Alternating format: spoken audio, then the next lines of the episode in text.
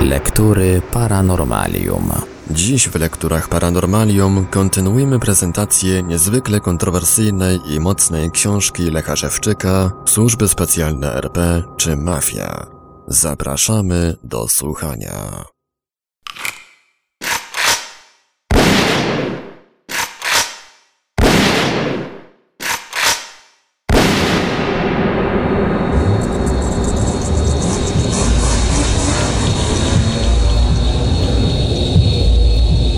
Jednym też z pierwszych działań, które przeciwko mnie przeprowadzili, było zdezintegrowanie mnie ze znajomymi, współpracownikami w pracy, a nawet rodziną. Była to metoda, aby pozbawić mnie jakiejkolwiek asekuracji i ochrony. Doprowadzili do tego, że ludzie unikali mnie, nie chcieli mieć ze mną do czynienia. W krótkim czasie, mimo że pracowałem i żyłem wśród znajomych i rodziny, byłem kompletnie sama. Nikomu nie udało się zwierzyć z kłopotów, uzyskać radę czy pomoc. Zrobili to poprzez wywołanie konfliktów ze znajomymi i rodziną. Sugeruje się jednemu to, drugiemu tamto i już kłótnia gotowa. Doświadczyłem na sobie, że w tej dziedzinie pracownicy służb specjalnych RP mają repertuar niewyczerpany. W Gorzowie mam wielu znajomych z lat szkolnych i właściwie udajemy, że się nie znamy. Mnie programowali, że to są ci właśnie, którzy współpracują ze służbami specjalnymi i robią mi dokuczliwości.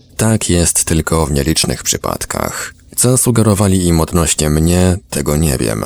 Przeważnie przypomina się jakieś przykre sytuacje z przeszłości i sugeruje, że to on właśnie jest winny. Postępowanie przy takich działaniach pracownicy służb specjalnych RP mają również opracowane na instrukcjach. Programowali mnie też, abym na przykład przed telewizorem lub w sprowokowanych przez ich konfidentów dyskusjach krytykował, nawet ubliżał wpływowym ludziom ze sfery polityki, działaczom społecznym, artystom, dziennikarzom i innym. Zwykle właśnie są to uczciwi ludzie, a niektórzy znają mnie i mogliby wiele pomóc. Są wśród nich i tacy, którzy pełniąc funkcje państwowe byli adresatami moich pism z informacjami na temat tej afery. Jak mi wiadomo, pracownicy służb specjalnych RP rejestrują moje krytykujące ich wypowiedzi, aby dać je posłuchać wspomnianym ludziom. Mają więc pretekst podżegać ich, że jak mogą mi pomagać, skoro mam tak krytyczne na ich temat zdanie. W związku z tym przypomina mi się pewne ćwiczenie, które przeszedłem w RPA. Jednego dnia nałożyli mi program, abym klął i krytykował kogo i co popadnie. Natomiast następnego dnia nałożyli mi program odwrotny, a więc aby raziły mnie takie wyrazy i zachowanie. Wtedy to co chwilę podchodzili do mnie ludzie i rozmawiając ze mną kleli i krytykowali mnie. Mogłem się wówczas przekonać, jak źle słyszy się takie wyrazy i uwagi i jak złe wrażenie pozostawia taki człowiek. Rozumiejąc więc to, nigdy u własnej woli, bez nadzwyczajnego uzasadnienia, nie będę klął ani nikomu ubliżał. Czyli gdy kiedykolwiek fakty takie mają miejsce, to tylko z powodu wymuszenia nałożonym mi programem. Dla uzupełnienia było też ćwiczenie, że zasugerowali mi nazwisko bardzo wpływowej na wysokim stanowisku politycznym osoby i nałożyli program, abym klął pod ten adres, a nawet straszył. Odgrażał się. Trwało to pół godziny, aż działanie programu ustało. Łatwo więc jest mi teraz zrozumieć, skąd to się bierze i w jakim celu, gdy podobna sytuacja ma miejsce. Przykładem takiej działalności jest programowanie polityków, aby ubliżali sobie wzajemnie. Wówczas skłóceni wzajemnie przestają być dla mafii problemem. Pracownicy służb specjalnych RP od wielu lat prowadzą sztuczne zubożenie mojej rodziny. Między innymi wszystkie wartościowe przedmioty pozostałe w mieszkaniu po wysiedlonych Niemcach wyłudzili od rodziców za bezcen lub ukradli. Po moim powrocie z RPA do Polski niewiele już do wygradzenia zostało. Byli przy tym tak bezczelni, że spokojnie kończyli to dzieło, gdy już zamieszkałem w tym mieszkaniu. Widocznie chcieli mi udowodnić, że w żaden sposób nie będę mógł im w tym przeszkodzić, mimo że już rozumiem, kto to robi i po co. Obecnie mieszkanie to, w którym wraz z rodzicami mieszkam, wygląda jakby przeszedł przez nie komornik. Zostały w nim tylko stare, zużyte, nie nadające się do wyłudzenia lub kradzieży przedmioty. Tyle właśnie dobytku rodzina mogła w tych warunkach zgromadzić przez prawie 50 lat, a w której wszyscy zawsze pracowali. Podkradali również pieniądze, w tym metodami operacyjnymi. Wielokrotnie zauważyłem, że zniknęły mi banknoty w podobny sposób, jak to się dzieje w cyrku. Metodą tą podkradają pieniądze wielu ludziom. Za czasów PRL, gdy pracownicy służb specjalnych nie mieli dostępu do finansów państwa, możliwości organizowania afer, Wówczas szabrowanie mieszkań, podstępne podkradanie pieniędzy i przedmiotów było ich znaczącą pozycją zdobywania łupów. Z naszego mieszkania ukradli nawet pięcioletnim dzieciom dwie srebrne monety z wizerunkiem papieża, które kupił im ojciec jako drobną lokatę na przyszłość. Mogę się przy tym cieszyć, że nie uwarunkowali rodziny, że to ja ukradłem te monety. Łatwo dało się takie podejrzenie podsunąć, bo przecież wujek przyjechał z RPA goły i bosy, a więc mógł zechcieć wzbogacić się kosztem kilkuletnich dzieci. Barbarzyńcy z wywiadu RP, chcąc odurzyć mnie w nocy gazem psychotropowym, aby mogli wyciągnąć ode mnie tajne informacje na temat RPA i sprzedawać, Musieli przy tym odurzyć i całą rodzinę, w tym wspomnianych dwoje dzieci. Dorośli jakoś to znieśli, ale dzieci wciąż od tego chorowały. Lekarze natomiast nie mogli ustalić przyczyn tych chorób z objawami w postaci duszności, kaszlu, osłabienia. Żadne lekarstwa nie pomagały, a więc ich rodzice próbowali też niekonwencjonalnych metod leczenia. Prawdziwe przyczyny tych schorzeń znałem, ale nikt nie chciał mi wierzyć. Schorzenia te ustąpiły dopiero, gdy siostra wyprowadziła się wraz z tymi dziećmi do innego mieszkania. Powstał jednak nowy problem. W okolicy, w której zamieszkali, mieszka wielu urzędników ochrony państwa oraz innych osobników wplątanych w tę aferę. Ich potomkowie uczęszczają do szkoły numer 16, do której również przeniósł się siostrzeniec. Wplątani w tę aferę barbarzyńcy bali się, że w ten sposób siostrzeniec pozna ich nazwiska. Kazali więc swoim potomkom ćwiczyć na nim odziedziczone po nich skłonności do sadyzmu. W przyszłości to też przecież będą pracownicy służb specjalnych RP. Dostaną broń psychologiczną i będą zwalczać przeszkadzających im w prowadzeniu działalności mafijnej ludzi. Ich wykolejeni tatusiowie uznali więc, że siostrzeniec tym bardziej nie powinien ich znać. Chcący więc spokojnie się uczyć, nie mieć do czynienia z psychicznie chorymi pracownikami służb specjalnych RP oraz ich potomkami, przeniósł się z powrotem do szkoły numer 8. W środowisku normalnych dzieci szkołę tę ukończył bez problemu i z wysokim wynikiem. Mniej więcej od trzech lat przestali kraść oraz pilnować, abym wydawał wszystkie pieniądze na przykład na naprawy psutych mi przedmiotów. Jednakże nie dlatego, że ci, jako urzędnicy ochrony państwa, są bardziej uczciwi. Jest tak dlatego, bo po rozpowszechnieniu informacji na temat tej afery, zbyt dużo już ludzie widzą co robią, a więc nie chcą się ośmieszać. Wciąż jednak straszą mnie, że pozbawią możliwości pracy, dlatego nie mogę poprawić standardu życia. Niedawno pokazali mi nawet w jaki sposób to zrobią i rzeczywiście, używając przy tym jak zwykle broni psychologicznej, poszłoby im to łatwo. Wolę więc gromadzić skromne oszczędności, aby nie pozostawili mnie w sytuacji, że na życie będę zarabiał zbieraniem złomu i makulatury. Władz bowiem i instytucji zajmujących się ochroną ludności i ściganiem wyższej rangi przestępców, jak nie było w Polsce, tak nie ma. Czasie szkolenia w RPA zdobyłem też wiedzę w zakresie zwalczania niewygodnych i niebezpiecznych ludzi, również poprzez podtruwanie ich odpowiednimi środkami. Doprowadza to do przewlekłych, trudnych w leczeniu chorób i dalej śmierci. Działalność taka jest prowadzona w Polsce na wielką skalę. Zwykle też w takich przypadkach nie udaje się ustalić przyczyn powstania tych chorób. Zauważyłem więc łatwo, że pracownicy służb specjalnych RP również stosują wobec mnie takie środki. Przede wszystkim są to środki otępiające z działaniem psychotropowym, wywołujące wzburzenie oraz inne stany psychiczne, które przy dłuższym stosowaniu robią z człowieka naturalnego psychopatę. Objawy działania tych środków wciąż stwierdzam bardzo często. Natomiast z podtruwających środków na pewno stwierdziłem antikol. Jest to środek silnie niszczący organa wewnętrzne, zwłaszcza w połączeniu z alkoholem. W Polsce psychiatrzy stosują go legalnie wobec ludzi nadużywających alkohol, zwłaszcza wobec niewygodnych służbom specjalnym RP. Środek ten nie leczy, lecz przyspiesza degenerację organizmu. W RPA kurs mojego szkolenia w dużej części przebiegał w systemie indywidualnym. Kładli przy tym duży nacisk, aby poszczególne jego elementy pokazać mi w sposób praktyczny, w naturalnych warunkach. Tak też było, aby pokazać mi prawdziwą przyczynę stosowania środka Anticol. W RPA nazywa się on Antibius. W pewnym okresie czasu zauważyłem, że w dni wolne od pracy dostaję silnych skłonności do alkoholu. Zwykle była to sobota. Był to nałożony mi program z zadaniem, abym znalazł metodę obrony. Wprowadzenie w alkoholizm jest też przecież metodą zniszczenia niewygodnego człowieka. Stosują ją również służby specjalne RP. W związku z tą sytuacją przypomniałem sobie, że w Polsce psychiatrzy przepisują nadużywającym alkohol środek antikol.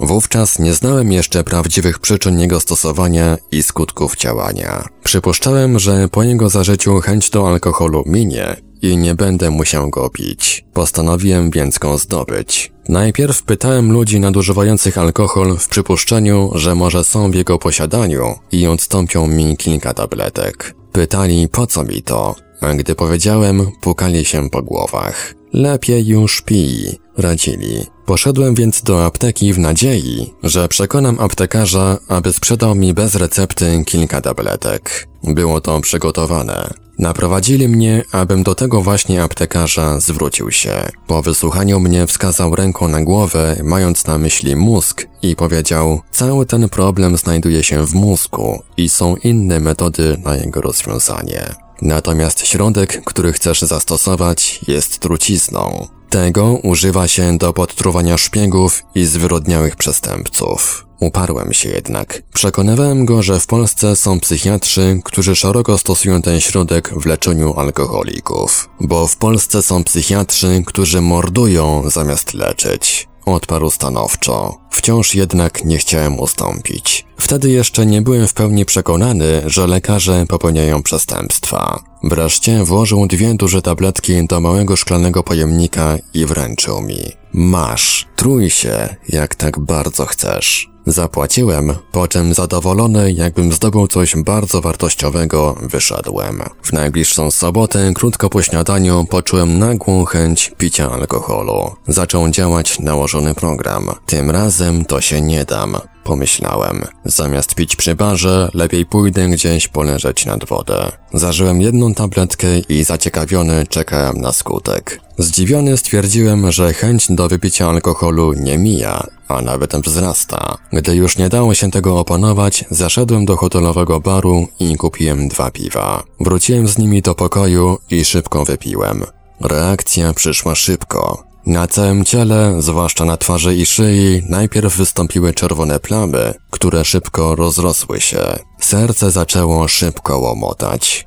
Zrobiło się duszno, a w ustach przy wydechu czułem pewien charakterystyczny smak. To ci dopiero lekarstwo. Przestraszyłem się. Przeszło po około dwóch godzinach. Wówczas dopiero przekonałem się, że aptekarz mówił prawdę. Środek ten nie ma żadnych wartości leczniczych, nie pomaga pozbyć się skłonności do alkoholu, lecz służy do podstępnego zabijania. Aplikowany podstępnie daje się wykryć właśnie poprzez wypicie alkoholu. W przypadku jednak, gdy ktoś nie pije alkoholu, jest to trudne. Szczególnie więc skutecznie można go stosować przeciwko niepijącym. Właśnie któregoś dnia wieczorem, kilka miesięcy po powrocie z RPA do Polski, przypadło mi wypić alkohol i zauważyłem te same objawy. Były łagodniejsze w skutkach niż te w RPA, czyli środek musiał być mi zaaplikowany rano lub poprzedniego dnia. Następny objaw trucia mnie antikolem zauważyłem po kilku latach, gdy już zbrodniarze nazywają się urzędnikami ochrony państwa.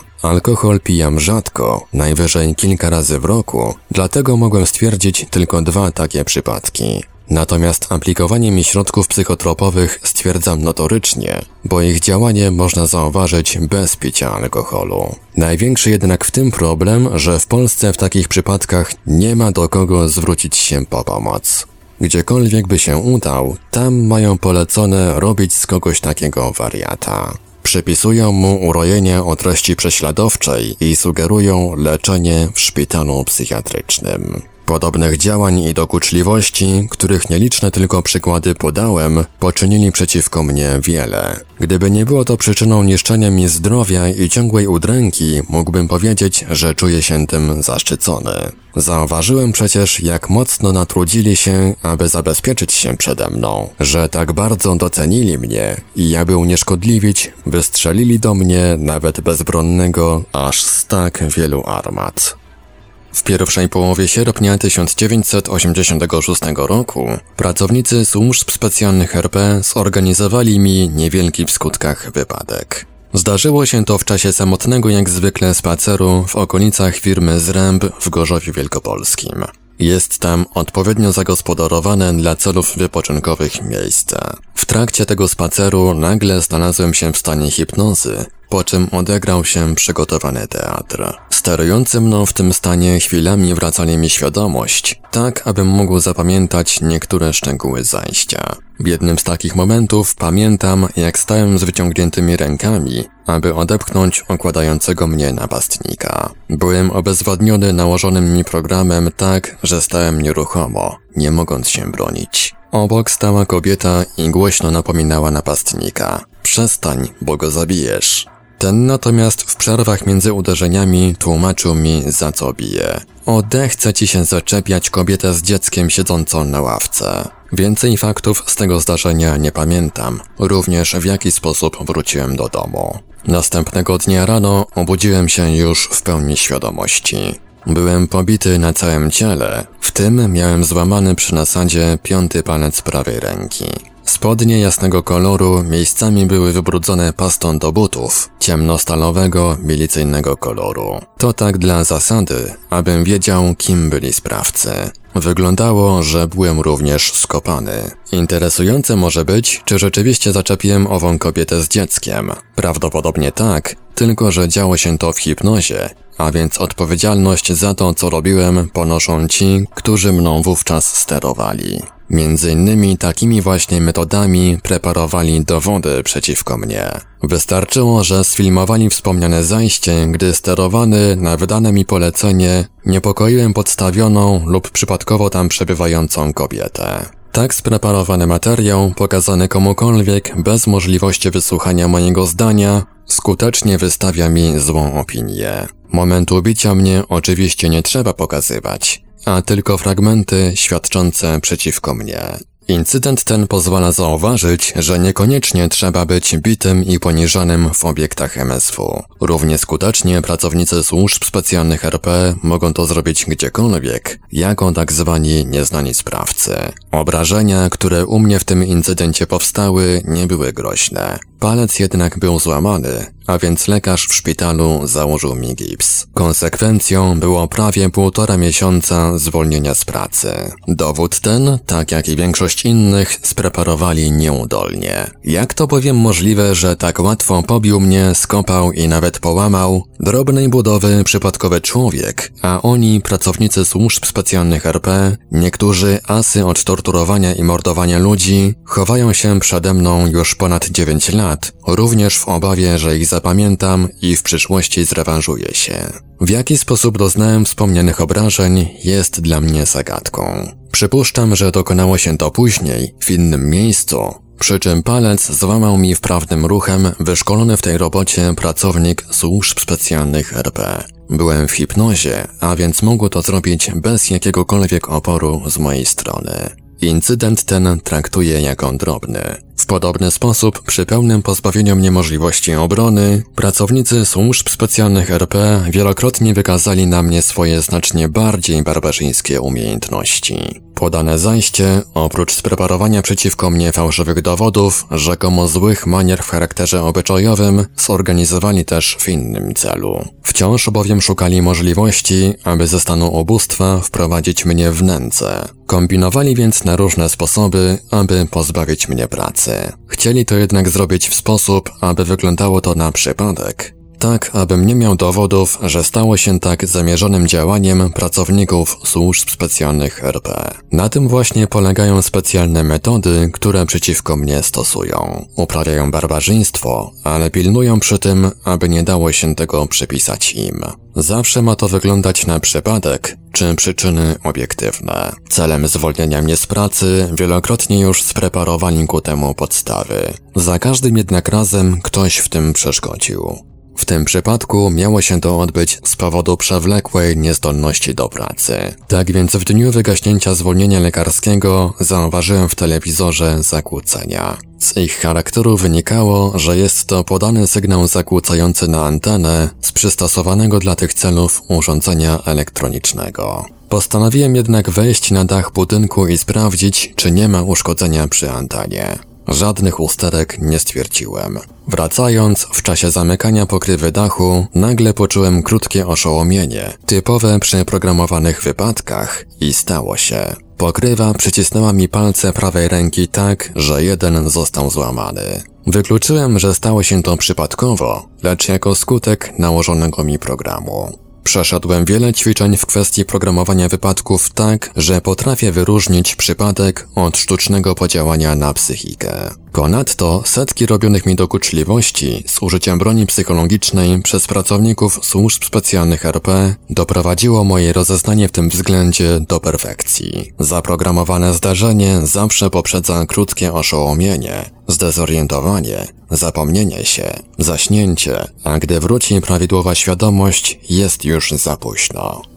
Ludziom, na których pracownicy służb specjalnych RP zaspokajają swoje choroby psychiczne, zdarza się to często. Problem jest jednak taki, że niewielu rozumie w jaki sposób to się dzieje. Na przykład, gdy coś wartościowego nagle wypadnie z ręki i zniszczy uderzając w podłogę, lub gdy pomyliło się komuś i zamiast pedału hamulca w samochodzie przycisnął pedał gazu. Podane zdarzenie zgłosiłem w PZU jako wypadek z podaniem pracowników służb specjalnych RP jako sprawców. Zrobiłem tak, mimo że w tamtym czasie było jeszcze bardzo niebezpiecznie oficjalnie twierdzić, że władze lub służby specjalne popełniają przestępstwa. Do lekarza jednak, aby założył gips i wypisał zwolnienie, nie zgłosiłem się. Ktoś życzliwy bowiem powiedział mi, jaki ma to przynieść skutek. Gdy minie ustawowy termin niezdolności do pracy, wtedy zostanę zwolniony i nie dostanę innej. Pracowałem więc ze złamanym palcem, ukrywając to przed współpracownikami i przełożonym. Znów chciałbym zwrócić uwagę, w jaki sposób można być bitym, łamanym, a nawet torturowanym i nie musi odbyć się to w budynkach MSW. Nikt w ten sposób nie może udowodnić pracownikom tego resortu, że łamią prawa człowieka. Wszystko bowiem da się sprowadzić do zdarzeń przypadkowych. Problem taki dotyczy wielu ludzi w Polsce, zwłaszcza od czasu nastania państwa mafii, korupcji i bezprawia. Łamiąc mi palce prawej ręki, pracownicy służb specjalnych RP mieli też na uwadze inne korzyści. Znacznie przez to utrudnili mi pisanie pism z informacjami na temat popełnionych przez nich zbrodni. Podając pewne grupy informacji, pozornie wygląda, że sam poniżam się i ośmieszam. Tak jednak nie jest. Poniżają mnie i ośmieszają Polacy ze służb specjalnych RP, wyszkoleni w uprawianiu barbarzyństwa na Polakach. Ja tylko bronię się, ujawniam techniki, którymi takie działania prowadzą, również na wielu innych ludziach. Chcę też przy tym pokazać, jak oni wyglądają w rzeczywistości, od zaplecza, gdy czują się swobodnie, gdy zdejmują noszone dla kamuflażu garnitury i krawaty oraz gdy nie widzą ich normalnie żyjący ludzie. Przez bowiem ponad 9 lat z powodu korupcji i bezprawia w Polsce nie udało mi się znaleźć innej metody, aby się bronić przed uprawianiem na mnie eksploatacji, barbarzyństwa i udręki. Podstawowym barbarzyństwem, które pracownicy służb specjalnych RP uprawiają na niewygodnych im ludziach, jest pozbawienie ich możliwości uprawiania seksu. Posługując się bronią psychologiczną, potrafią tak ustawić komuś życie, że nie uda mu się znaleźć partnera czy partnerki przez wiele lat, a nawet w ogóle. W małżeństwach radzą sobie z tym w ten sposób, że programują niechęć, a nawet wstręt do współmałżonka, a także oziębłość i różne dewiacje seksualne. W moim przypadku pozbawiają mnie możliwości znalezienia partnerki z kilku powodów. Jednym z nich jest zwiększenie wydajności w uzyskiwaniu po mnie potomstwa przy prowadzonej przez nich selekcji ludności.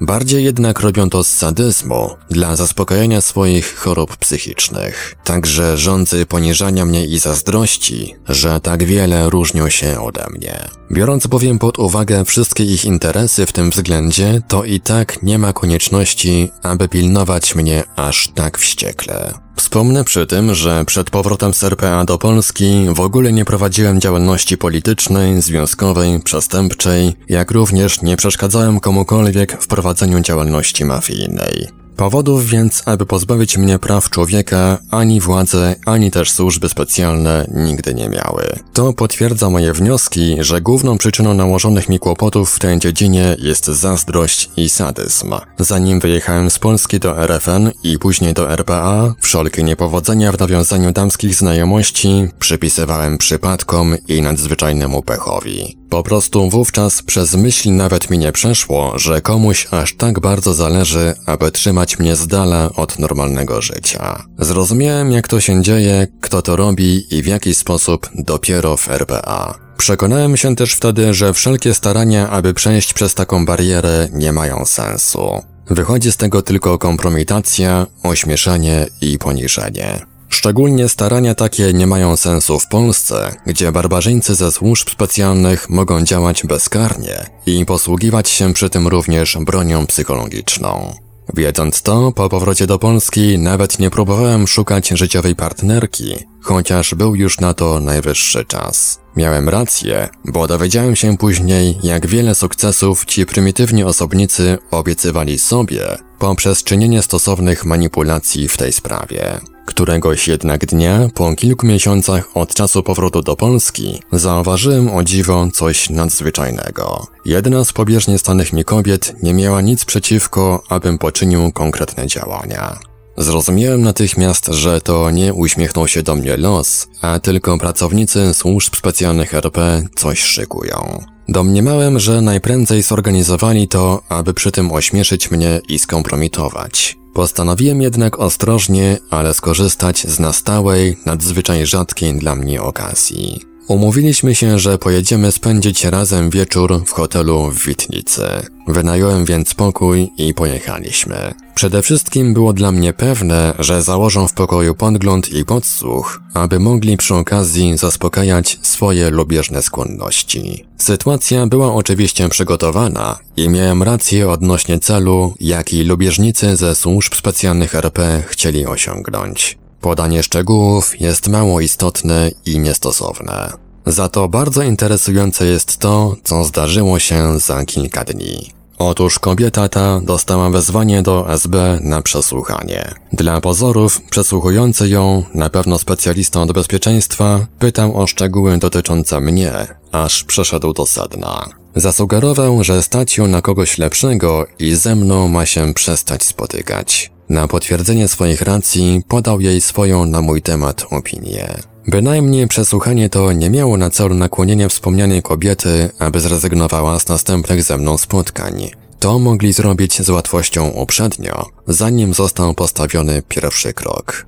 Chodziło im o to, aby dodatkowo psuć mi opinię, ośmieszać, odstraszać ode mnie kobiety. Po tym zdarzeniu postanowiłem, że więcej nie będę reagował na takie zaprogramowane zachęty ze strony kobiet. Potwierdziło się przecież, że nie ma sensu w ten sposób pomagać im poniżać mnie, a przy tym narażać kobiety i wciągać je w prymitywne rozgrywki. Ponadto nie ma potrzeby, aby lubieżnikom ze służb specjalnych RP dawać możliwość czerpania z poniżania mnie i ośmieszania radości życia i rozrywki. Więcej jednak takich okazji nie było. Pilnują mnie wściekle, również obecnie, jako urzędnicy ochrony państwa. Czasami denerwują się, że nie staram się przełamać tej blokady, bo zniweczenie moich starań dałoby im trochę sukcesów w tej aferze. Trwa to już ponad 9 lat i zdążyłem przyzwyczaić się do pozbawiania mnie tego, a także wielu innych praw człowieka. W ten sposób też mogą więcej udoić ze mnie nasienia w czasie częstego wprowadzania mnie w hipnozę. Używają je przy prowadzeniu selekcji ludności celem uzyskania dzieci na sprzedaż za granicę z odpowiednimi cechami osobowymi i genetycznymi. Zyski z tej działalności mają olbrzymie. Często czuję się, jakbym miał wyciągnięte z siebie wszystko, łącznie z wnętrznościami. Czasie pobytu w RPA ktoś powiedział mi niby żartem, nie zdajesz sobie z tego sprawy, ale w drążku masz ukrytych bardzo dużo dolarów. Zastanowiło mnie, co miał na myśli, jednak zrozumiałem to dopiero w odpowiednim czasie. Po kilku latach od podanego zdarzenia z kobietą, znów w tej kwestii zostałem zaskoczony. Zauważyłem bowiem, że kręcą się w pobliżu mnie wyglądające na chętne panie. Możliwości, aby zwrócić na mnie swoją uwagę, miały niewielkie, gdyż był to już czas, gdy ich przełożeni sprowadzili mój tryb życia do prymitywnego. Właściwie więc jedyną szansą zaprezentowania mi się miały w czasie przemierzanej przeze mnie drogi do pracy i z powrotem. Wychodziły z bram, sklepów, z za rogów ulic i wchodziły na mnie tak, że często, aby uniknąć staranowania, musiałem uchodzić na bok. Trwało to z kilkoma krótkimi przerwami przez kilka miesięcy. Z czasem zaczęło mnie to śmieszyć, widząc jak bezowocnie starają się wiercić tyłkami. Może raczej te z rannej grupy, gdy szedłem do pracy, powinienem żałować, że ich przełożeni każą im tak wcześnie wstawać. Niewątpliwie były to wyszkolone w łajdactwie pracownice służb specjalnych RP. W czasie szkolenia nauczyłem się rozpoznawać wyszkolone łajdaczki od normalnych kobiet. Właśnie po to, aby nie dać się im sprowokować. Wiadomo przecież, że tego rodzaju pracownice, jeżeli prowokują, to mają przy tym wykonać jakieś zadanie. Elementów rozpoznawczych jest dużo. Na przykład mają korygowane elementy twarzy i sylwetki, odpowiednio działający na psychikę makijaż, sposób ubioru, poruszania się, a także wykonują pewne wyuczone gesty, ruchy, które wyglądają na przypadkowe, ale przyciągają uwagę i prowokują. W rzeczywistości nie ma powodów, żeby się takimi paniami interesować. To tak samo jakby widzieć zepsuty towar w efektownym opakowaniu. Jednakże amatorzy, którzy nic nie wiedzą na temat tych pań, na przykład politycy, łatwo ulegają ich wdziękom. Kłopot przychodzi później, gdy ktoś przyjdzie z odpowiednio dobranym materiałem i każe robić to czy tamto. Jeżeli chodzi o mnie, to żadnych kontaktów osobistych z tymi paniami próbować nie chciałem i nie chcę. Żeby zrozumiały, że ich starania są daremne, po prostu na ich widok odwracałem głowę.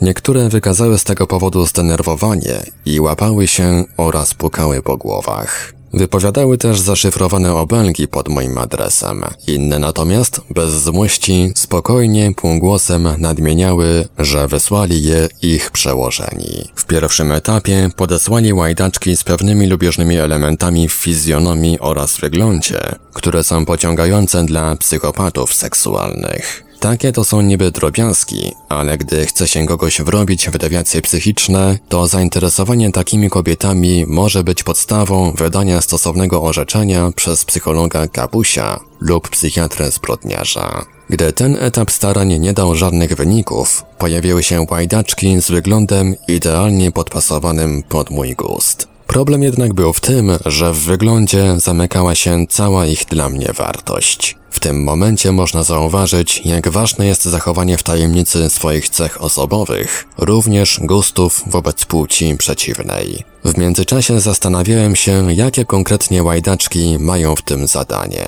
Samo przecież zadawanie się z wyszkolonymi w łajdactwie pracownikami służb specjalnych RP nie byłoby podstawą do szantażowania mnie, choćby dlatego, bo jestem stanu wolnego. Ponadto mocno nie pasowało mi, że podsuwają mi aż taką rozrywkę. Zajadle przecież pilnowali, żebym nie załapał się na jakąkolwiek przyjemność. W pewnym czasie zaprogramowali mnie, że nawet nie mogłem oglądać telewizji. Widocznie stwierdzili, że zbyt duża to jak dla mnie przyjemność. Częściowo domyśliłem się, jaki był cel działań łajdaczek, co później potwierdzili życzliwi mi ludzie. Przede wszystkim koniecznie chcieli ze mnie zrobić zboczeńca, ponieważ w naturalny sposób nie ma takich szans, więc dostały takie zadanie łajdaczki. Miały wciągnąć mnie w różne sztuczki i złożyć odpowiednie na to zeznania, a które byłyby też potwierdzone materiałem uzyskanym z założonych podglądów i podsłuchów. Jednej łajdaczki zeznania mógłbym podważyć, ale gdyby było ich kilka, wówczas byłbym na pozycji przegranej. Wiedziałem przecież jak to się robi. Trochę środka psychotropowego zmieszanego z alkoholem i już robi się to, co ktoś zasugeruje.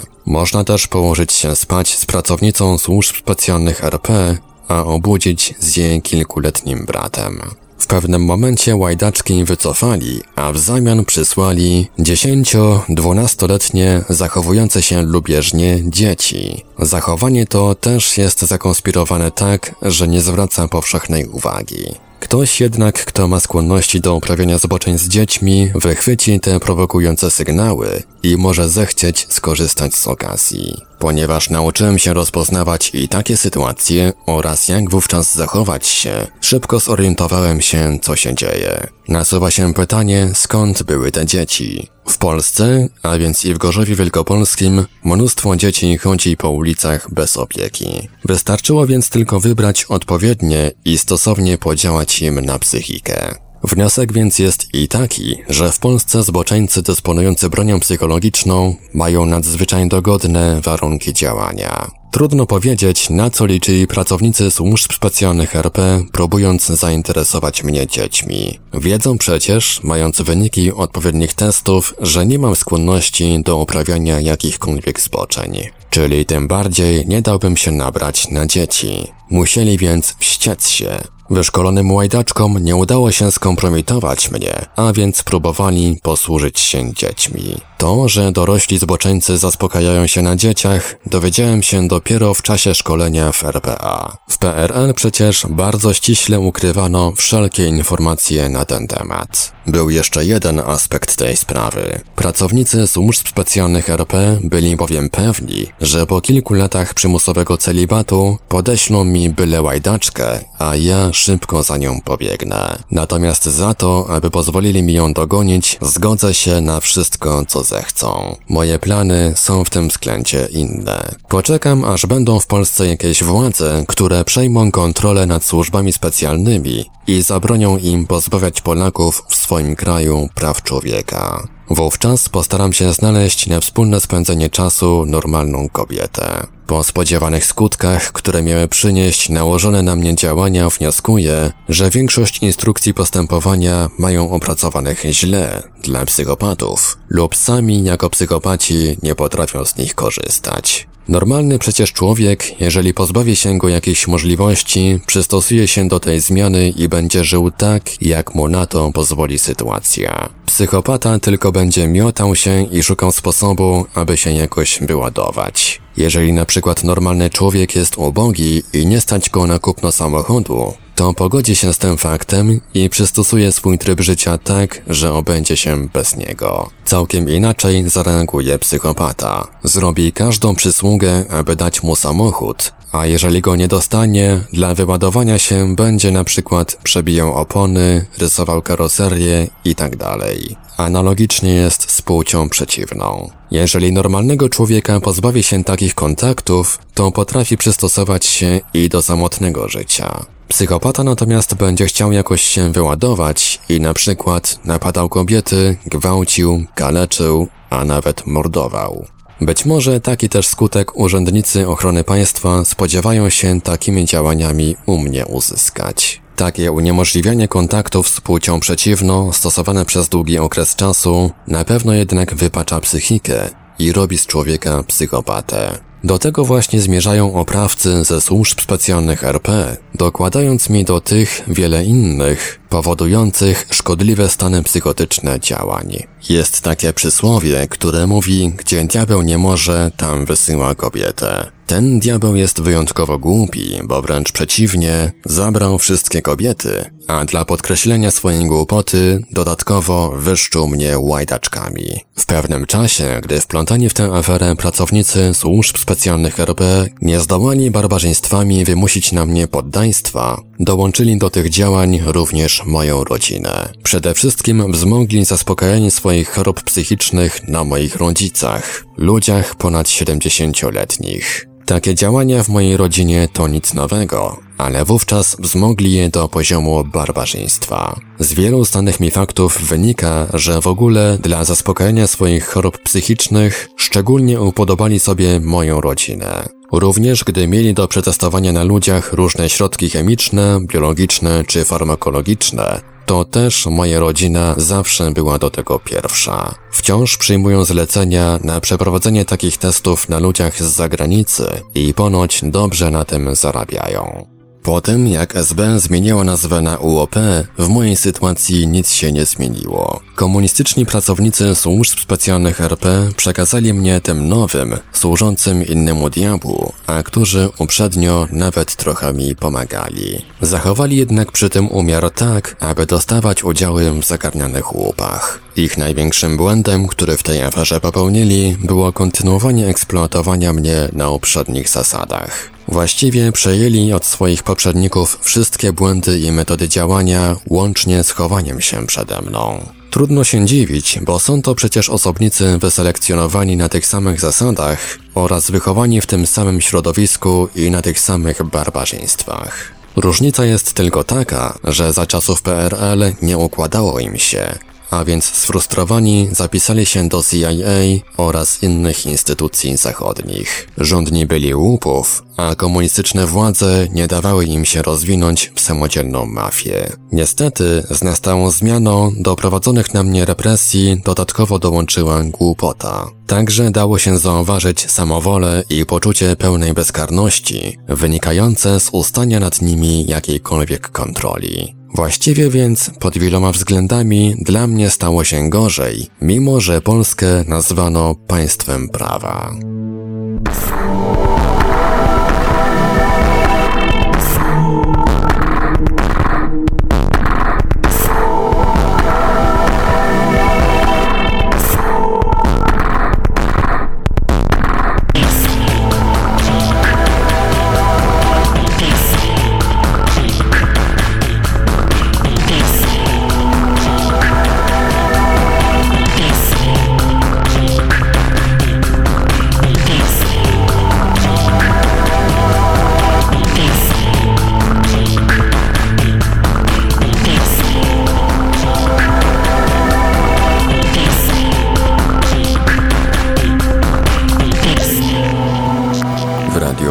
Paranormalium zaprezentowaliśmy fragment książki Lecha Szewczyka Służby Specjalne RP czy Mafia. Dalszy ciąg w kolejnym odcinku Lektur Paranormalium. Archiwalne odcinki Lektur Paranormalium znajdziesz do pobrania w archiwum naszego radia na stronie www.paranormalium.pl.